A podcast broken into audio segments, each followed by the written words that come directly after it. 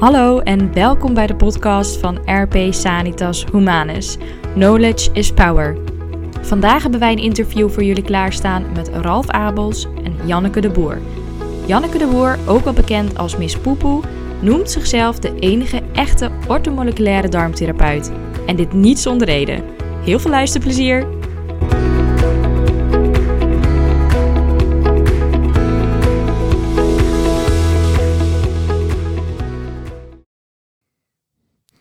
Hallo Janneke. Hallo Ralf. Leuk dat je bij ons in de podcast bent en dat we samen over je vakinhoudelijke kennis kunnen spreken.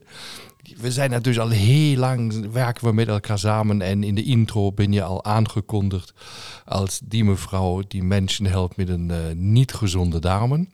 En uh, je bent bekend onder uh, gezond begin. Ja. Dus en dat is een heel fijne term die je daar gekozen hebt, gezond begin. Ja. En volgens mij begint ook, als ik je visie goed zie, met darmgezondheid. Om alle systemen aan te sturen. Nou, ik zou maar zeggen, brand maar los en vertel wat je zo doet. Ik hoop dat jullie de tijd hebben. Nee hoor, ik zal het kort houden. Ik kan heel snel komt dan praten. morgenochtend dus, weer terug. Ja. ja, en mijn bedrijf heet ook uh, gezondbegin.nu in plaats van .nl. Dat was toen de tijd dat ik dacht, ja, je moet nu gezond beginnen. Als je het nu niet doet, weet je, wanneer dan wel. Ja. En um, ik ben toen begonnen als uh, de orthomoleculaire therapeut toen de tijd, toen ik Ja. ooit begon. En wat was het? Ja, ik denk dat het al 10 jaar, 15 jaar geleden is dat ik uh, is ben begonnen. Ja. En um, ja, wat wil je allemaal weten, Ralf? Ach, van begin aan. Dus je bent orthomoleculaire therapeut geworden. En dat heb je natuurlijk zeker niet gedaan. um, omdat je, nou, ik word een keer orthomoleculaire therapeut. Nee. Je hebt, je, alle mensen die in dit vak bezig zijn, zoals in de complementaire zorg, hebben meestal een complete historie en story hoe ze in deze complementaire zorg zijn terechtgekomen. Waaronder natuurlijk ook een vakgebied de orthomoleculaire geneeskunde is. Maar als ik goed begrepen heb, heb je natuurlijk op deze weg daar naartoe heel veel beleefd. Ja, En dat zou fijn zijn als je onze luisteraars daarin meeneemt. Dan kunnen hun ook waarnemen hoeveel en hoe hard je studeerd hebt. En nog steeds studeert om de beste darmtherapeut van Nederland te worden. Dat is je uitgesproken wens, toch? Ja, ja, en je moet altijd, weet je, je moet altijd dingen neerzetten. En moet niet, maar ik vind het leuk om dingen voor mezelf neer te zetten. Ja. En ik ben een avontuurlijk iemand. Ik ga ook bijvoorbeeld heel erg graag op reis. Maar ook in mijn vak, zodra ik het eigenlijk, als ik aan mezelf merk, ik vind het een beetje een sleur worden, denk ik, hé, hey, waar kan ik weer de sprankel vinden? Waar kan ik de uitdaging in Ja, vinden? ja. En het is, het is niet van een perfectionist of het is nooit genoeg, maar het is bij mij echt dat ik, ik het vuurtje blijft bij mij branden. En ik, dat, dat ik nu heb gezegd, oké, ik wil de grootste, ik wil de beste. En niet om de roem of wat dan ook, maar gewoon, is het mogelijk? En ik weet, als je een goede mindset hebt, dan, dan is alles mogelijk. En zo heb ik in mijn leven heel veel, tegen heel veel dingen, eh, ja, struggles aangelopen of tegen, hoe noem je dat, muren aangelopen.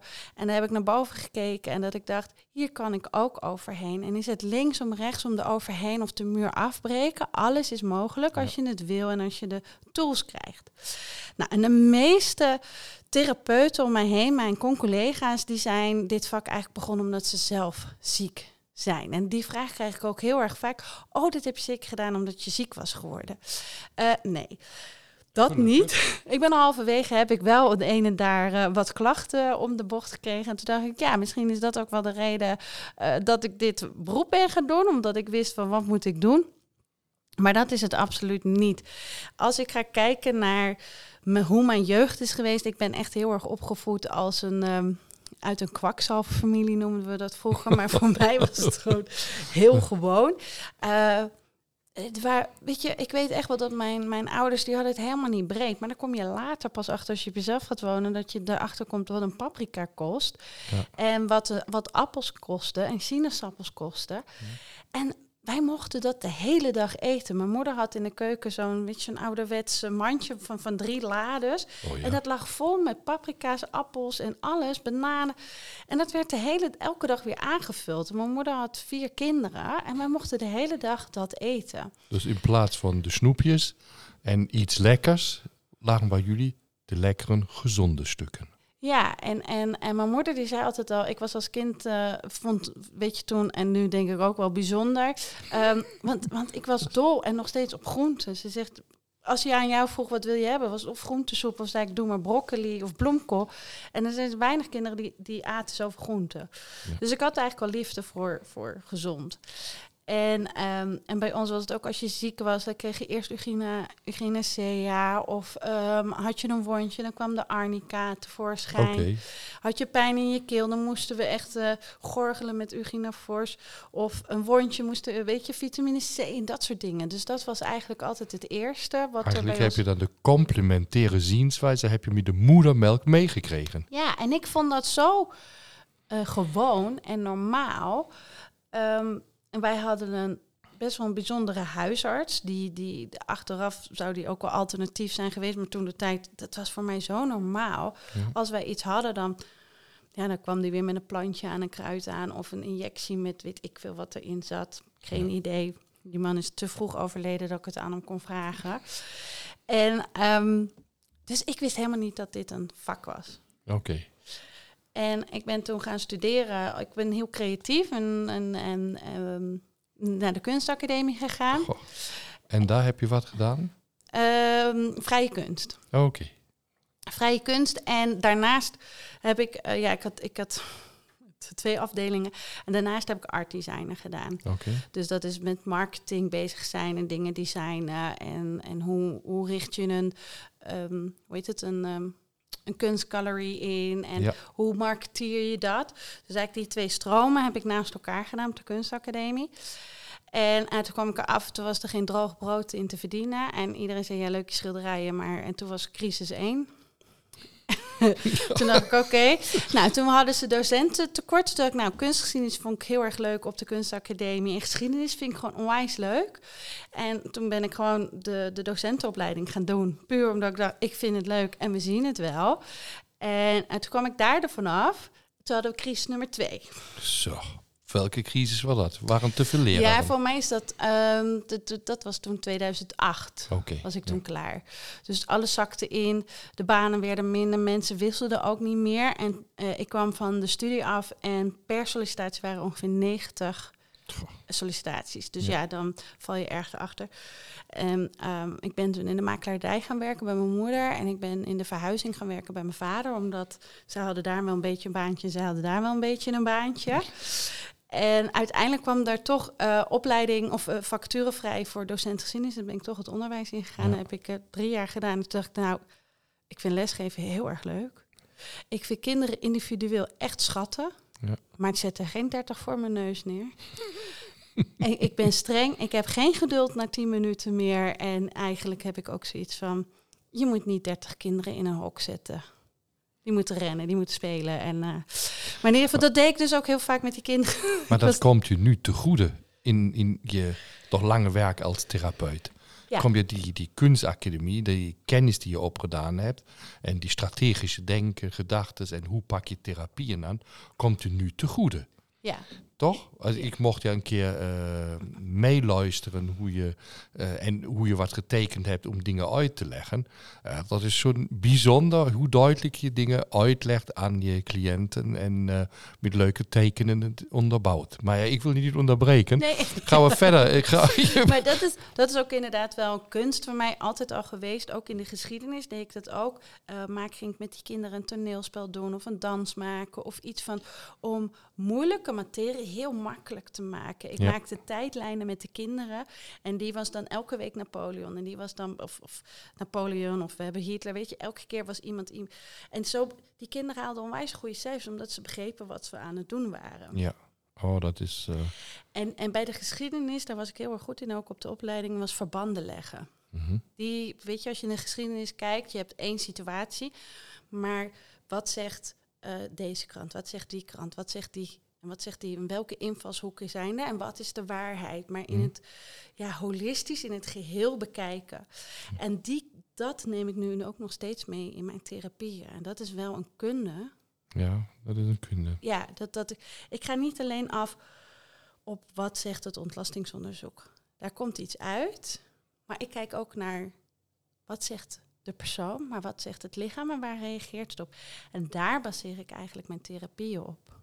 Dus je hebt een echte complementaire kijk, uh, die je samenvat uit de mens, dat wat hij vertelt, Ja. wat hij daarmee vertelt, uh, zijn leefstijlgedrag. En dan heb je daarnaast de diagnostiek, waarin je dingen staaft en weer afzet. Ja, Kan ik dat zo samenvatten? ja. Ja, want hoe, als je dan zegt van hoe ben ik hier toe gekomen, is eh, ik las ooit een boek.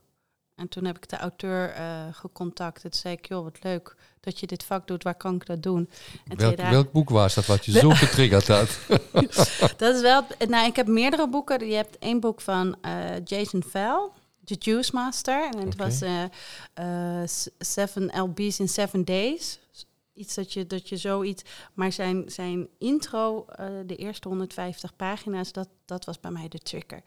En waar hij het over had, was enzymen.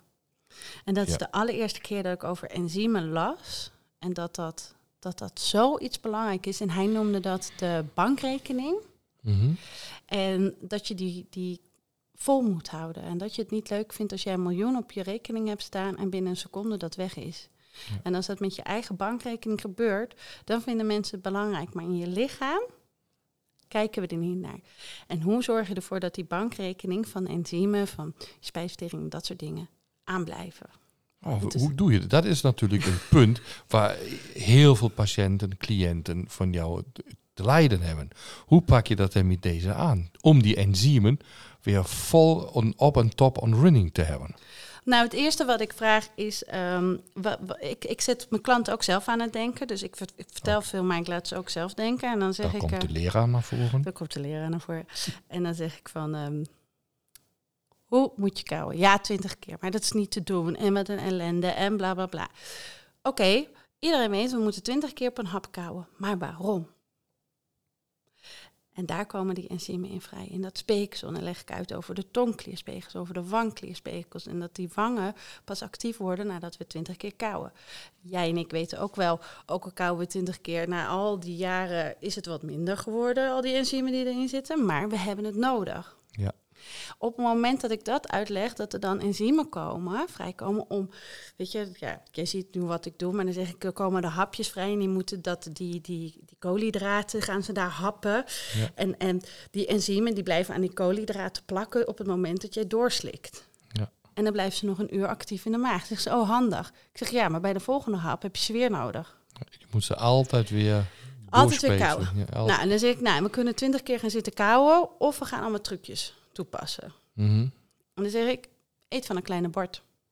Het makkelijkste is gewoon gebaksbestek, hoe heet het, gebaksbordje, ja. bestek. Wat doet jouw lichaam, wat doet jouw hersenen? Die gaan, Nou, wat, vertel het. die gaan ons vertellen van, oh, dit is schaarste. Dit is alles waar ik de komende uur van moet gaan eten en moet van geleven. Die denkt niet na dat er ergens in de keuken nog hele pannen staat, want overleven, eten gaat nu aan. Oké. Dus hij gaat automatisch langer kauwen en langer over het voedsel doen. En hoef je niet eens te tellen. En het is heel is grappig als je dit toepast. Het is boerenverstandtheorie, Ja. maar het werkt. Maar dan heb je eigenlijk nu voor de luisteraars al een fantastische tip. Ja. Eet, eet van een klein bord. En dan ga je automatisch ga je langer kauwen. Ja, want wat het ook is, op het moment dat wij van een grote eh, eetlepel eten, wat we eigenlijk doen is, we, we, we, hoe noem je dat? Ik ga het proberen uit te leggen. Op het moment dat we eten en zo'n grote hap in ons, in ons mond Ja. hebben zitten, dan krijg je een soort stikneiging. Oké. Dus wat denkt jouw lichaam, ik moet ademhalen, maar er zit nog zo'n grote brok. Dus jij, jouw slikreactie gaat veel sneller aan Oké. dan als jij kleine hapjes eet. En het is geen wetenschappelijke techniek, maar ik heb het gewoon puur gedaan en ondervonden, getimed, geteld en inderdaad. Als ik grote happen neem, slik ik sneller door als ik kleine happen neem. Dus die typische die alles naar beneden slinkt, heeft per se last met zijn vertering. Ja, Dus in jou gaat dat tegensturen en zegt, eet kleine hapjes. niet kleine hapjes. En dan Ik heb je ook niet die slikneiging zo zeggen. Ja, je, je- slikt veel, min, veel minder snel. En dan vraag ik ook aan klanten, weet je, dan denk ik, heb ik weer iets bedacht of theorieën. En dan Ja. zeg ik aan klantentest mee. En dan zeggen ze, ja, dat is inderdaad waar. Zonder dat ik deze theorie dan vertel. Ah, je hebt ze mee dan weer meegenomen en hun hebben zelf geleerd dat het wel een goede toevoeging is aan hun eetgedrag.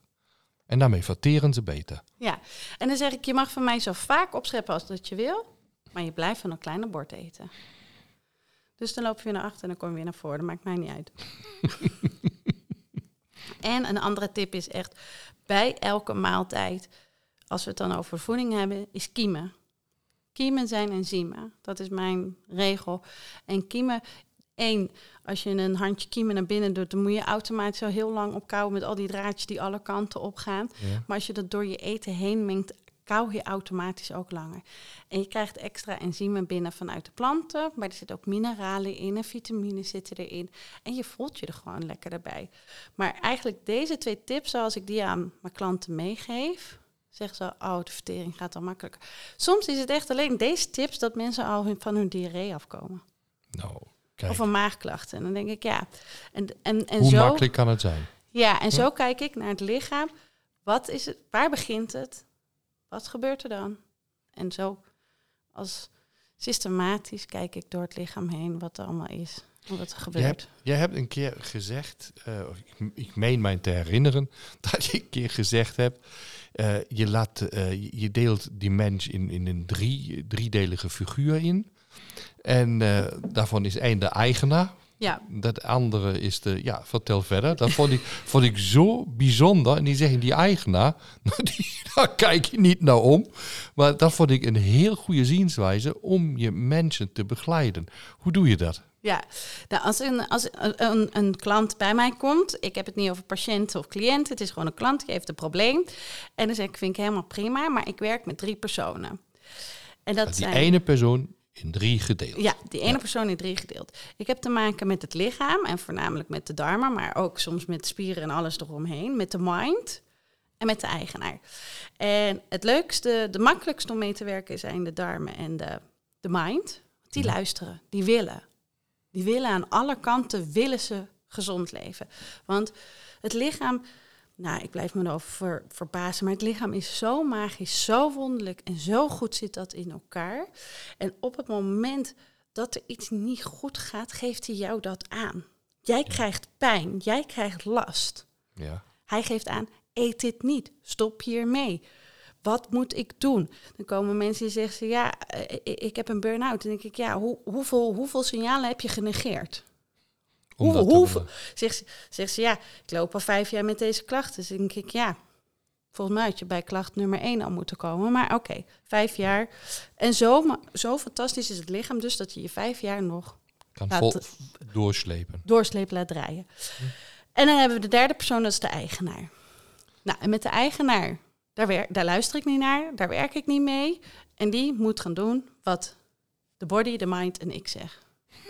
En wat is dat een verdeling? Meer jou of de body en de mind? ik, ik, ik praat, ik zeg altijd, ik praat en ik luister naar de darmen. ja? En ik luister naar de darmen die tegenover mij zitten. En soms begrijp ik ze ook niet. En dan wil ik eigenlijk bijna zeggen, weet je, dan zou ik willen van, van vertel me dan wat, wat er, eh, weet je, waarom, ik weet het soms ook niet meer, weet je, dat Ja. ze, dat ik denk, we hebben geluisterd, we hebben alles gedaan en nog zit, gaan ze niet helemaal lekker. En dan kom ik erachter dat eigenlijk de eigenaar niet heeft geluisterd. Oh, oké. En, en, en het lichaam vertelt me vaak, ik heb rust nodig. En ik heb het nooit bijna, weet je, iedereen zit in de stress, weet je, en dat is een cliché, daar ga ik het, heb ik het nooit over. Ja. Het de beste is voor de mensen om in de bossen te zitten bij een vuurtje en hoe, weet je, te zingen. Eh, dat is nou eenmaal niet zo. Ja, je hebt mij nog niet horen zingen. Ik denk dat dat geen toegevoegde waarde heeft. Maar we zijn gewoon natuurproducten en we Ja. zitten in gebouwen. Dat is zo. accepteer het. Dat is zo. Daar, kunnen, daar ga ik niks aan doen, daar kunnen we niks aan doen. En dat is gewoon zo. En daarin moet het lichaam gewoon een beetje meegaan met de eigenaar. Dus je moet samenwerken. Ehm, dus die stress die is er. Maar dat lichaam kan je echt tot rust brengen. Luisteren naar het lichaam. In rust eten. In rust naar de wc gaan. Als we het over iets hebben wat we doen. We voelen aandrang. We gaan of niet naar de wc. Of we nemen het mobieltje mee en gaan zitten, weet ik veel wat we allemaal op die wc met die mobiel zitten te doen. Die darmen krijgen gewoon geen seconde per dag even de rust. Dat is Ze krijgen geen seconde aandacht. Uh, dat is een heel belangrijke. Dat vertellen we vaak ook in onze darmtherapiecursussen. Als het gaat naar hoe doe ik dan nu een therapie? Hoe ga ik een mens begeleiden? Zeg, nou, als het om verteringsklachten, darmklachten geeft, ga eerst maar de parasympathicus versterken en niet die sympathicus. Ja. Dat, is, en dat doe je intrinsiek, intrinsiek al in je therapie. Probeer je dat je patiënten, nou, je noemt ze niet patiënten, klanten, eh, mee te geven. En dat is natuurlijk fantastisch. Dus die parasympathicus moeten we ten allen tijden goed ondersteunen om een gezonde darm te krijgen. Heb ik je daar ook goed... eh, Ja, en het is, kijk, eh, bij, bij geen enkele klant laat ik geen ontlastingsonderzoek doen. En ik neem altijd het uitgebreide ontlastingsonderzoek, Ja. want dat vertelt me gewoon veel. En soms komt daar heel veel uit. En, maar dan heeft, als ik al naar de anamnese luister, naar mijn darmen, dan denk ik, daar kan, daar kan ik pillen in gaan stoppen wat ik wil. Ja. Daar kan ik eh, de eerste fase in gaan zetten, kan ik NBR in gaan zetten, kan ik afdoden. In, dat gaat het niet doen. Ja. Want die is zo over stress overspannen. En wat, zeg ik, wat leer ik mijn klanten dan? Hoe het parasympathische en sympathische systeem werkt. Ja. Hoe werkt de cortisol? In de ochtend hebben we energie. Wat doen de meeste mensen? Die eten s'avonds grote hoeveelheden. Ja. Zeg ik, nee, in de ochtend ga jij eten. Want jouw, jouw spijsvertering is moe, is op aan het einde. Als we, de, als we weten, in de ochtend hebben we de meeste energie. Dan heeft jouw spijsvertering aan de avond geen energie meer om je eten te verteren. Dus ik verschuif dat. En dat leg ik aan mijn klanten uit. En dat als jij, weet je, als jou, als je, ik noem het dat bewegingsstelsel en je spijsvertering, als je bewegingsstelsel aanstaat, ook al zit je achter je bureau, ook al ben je aan het denken, die moet uit. En dan zeggen mensen, ja, maar we hebben geen kantine. Ik zeg, dan pak je je bord op. Ik zeg, je draait, ik zeg, overal zijn ramen. Ja, ga je, Ik zeg draai je je- daar naartoe. Ja. Ja, ik zeg, je draait je stoel om. Ik zeg, je hoeft niet eens te bewegen. Ik zeg maar, je draait je stoel om en jij gaat zitten eten en je kijkt naar een plant. Ja. Je kijkt naar de natuur. En wat gebeurt er dan? Het systeem gaat uit, het bewegingsstelsel gaat uit, je zit in rust en dan ga je eten. En dan ga je al langer kauwen. En je lichaam is je zo snel dankbaar. Je, het is, het- we hebben zo'n mooie machine en zo'n mooi mechanisme. En op het moment dat jij goed doet, bam, hij beloont je. Ja. Hij beloont je zo ontzettend snel. Ik heb ook, laatst had ik ook een klant. En dat zeg ik ook, ik ben zo trots op je. Weet je, je hebt het zo goed gedaan. En weet je, die eigenaars, jeetje, je moet er zoveel, Voor doen. Ja. zoveel, hoe heet het, veren in steken. Want dan gaan ze doen wat het lichaam wil. Maar die, die kwam bij mij, die had gewoon al vijf, zes jaar last van diarree. Jongen, Die kon niet eens naar de supermarkt. En de supermarkt wist dat zij kwam, dat ze dan naar de wc kon rennen. Binnen een week had ze geen diarree meer. Het enige wat ik heb gedaan is voeding Ja, en para- en sympathisch systeem. That's it. super. En rust op die wc. GSM weg of hen. GSM weg. En ik, ik zeg ook wel eens, weet je, heb ik, ik heb een heel moeilijk plaatje van een, van een vrouw op de wc. Die vond ik wel heel grappig. Die vond ik online. En dat is zoek de vijf verschillen. Nou, ik heb er ook lang over gedaan. En toen dacht ik, nou, dat geef ik aan mijn klanten mee. Want dan moet je zo lang geconcentreerd kijken. kijken. En dan geef je die darmen de rust. Tja. Dus je, dwingt ze eigenlijk in die parasympathicus. Ja. Fantastisch. En wat doe je nog als je nu die mensen begeleidt in darmgezondheid? Dus het eerste, voeding. Nou, absoluut. Eh, verteringsenergie verbeteren. Helpen goed die en, door de speeksel om die enzymen actief te stellen. Ja. En wat doe je nog? Nou, ik, ik, eh, elke klant krijgt bij mij eh, cadeau een leverreiniging. Standaard. Ik had wel eens een klant die, die stuurde mij een link door. Janneke, heb je hier, hier ooit wel eens over gelezen, over dat je je leven moet reinigen? Ik zeg, joh, dat hebben we in die therapie gedaan. Maar ik zeg, ja, daar ga ik niet eens energie en tijd over bespreken hoe dat werkt. Dat doen we gewoon. Ja. Want iedereen heeft dat wel. nog. Zeker eh, de klanten die bij mij komen, weet je. Ik krijg altijd...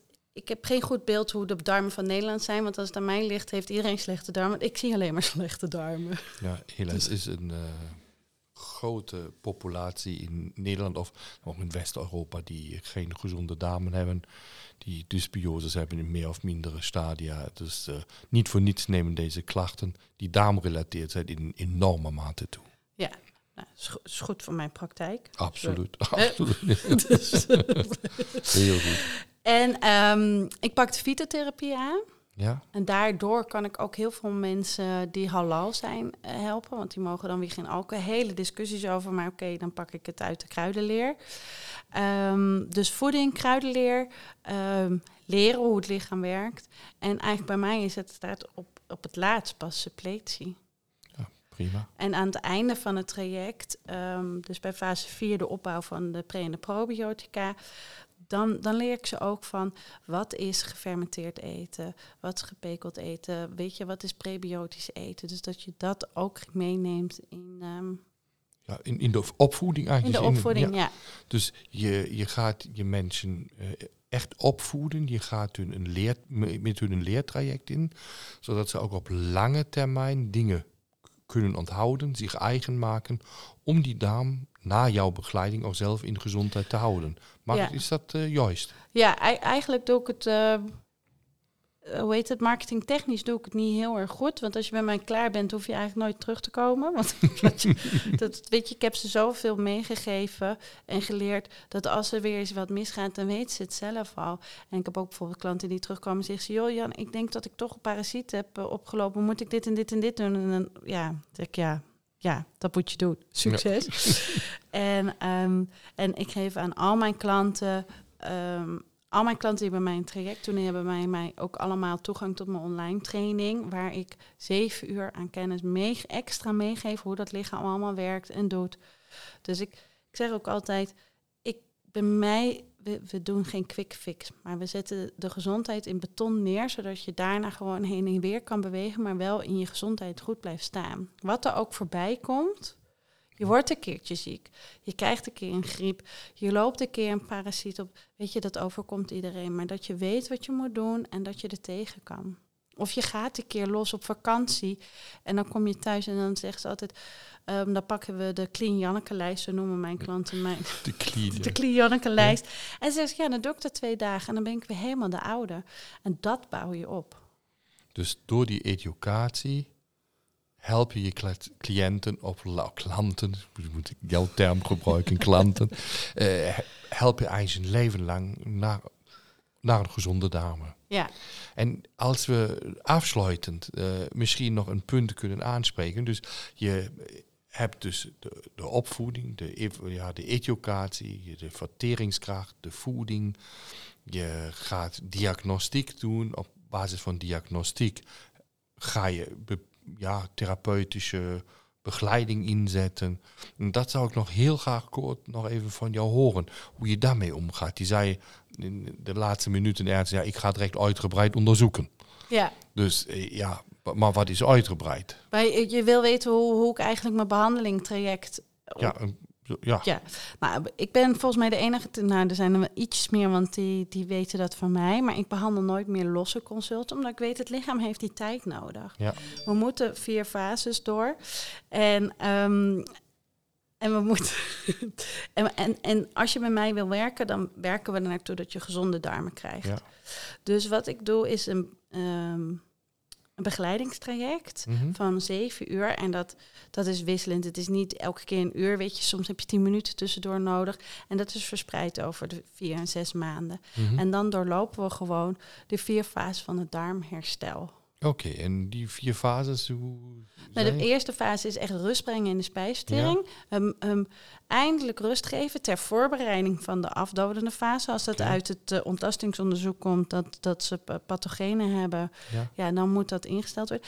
Maar daar bereid ik het lichaam op voor. Dus ik knal niet meteen van een ziek lichaam, hup, hier heb je even een dosis van eh, pillen en succes ermee. Nee, we maken hem eerst even sterk. Dat is soms wel een beetje jammer voor mijn klanten, want dan voelen ze zich helemaal tip-top. Zeg ik, nou, nou gaan we afdolen, voelen ze helemaal moe. Maar dan weten ze wat het lichaam kan. Ja. Ze hebben het even gevoeld, hey, dat kan het lichaam, daar gaan we weer naartoe. En nu moet ik heel even een fase door om het lichaam te helpen, te ondersteunen. Ja. Afvalstoffen en alles eruit. En die derde fase, dan gaan we opbouwen van de slijmvliegen, weer de krachten in. In dat lichaam sterk maken, het immuunsysteem sterk maken. En dan zeg ik, en nu gaan we lekker die eh, pro- en die prebiotica erin zetten. En eigenlijk laat ik ze dan al los. Dan krijgen ze een plan mee wat ze moeten doen. En ze weten na al die maanden echt wel hoe ze het moeten doen. Ja. Ik kan denken, het duurt lang. Dan denk ik, nou ja, als je al 15 jaar ergens mee loopt, of vier of één jaar, dan, Dan is dat niet leuk. dit is niks. Nee. En zeker als je weet, je zet een fundament neer voor Voor gezond leven. Ja, Nou, Janneke, hartstikke bedankt voor deze kijk in jouw werkzaamheden. Dus hoog interessant hoe je dat aanpakt. En bijzonder dat educatieve vind ik enorm. Dat je dat met je cliënten, klanten zo doet. Ehm, en wie eh, meer wil over Janneke te weten komen, wie met haar in contact wil komen, ga gewoon naar gezondbegin.nu. En eh, daar eh, horen jullie zeker meer. En nog eens mijn dank. graag gedaan. En ehm, je kan me ook vinden dagelijks op Instagram als je heel veel tips en tricks en een beetje een kijkje in mijn privéleven, dan kan je daar Miss Poepoe elke dag eh, Miss volgen. Poepoe. Ja. Ja. dan, Ja. dat is een fijne afsluiting. Ja. Miss Poepoe. Miss Poepoe wens je veel plezier op de wc. Ja. Dag. Doeg. Doeg.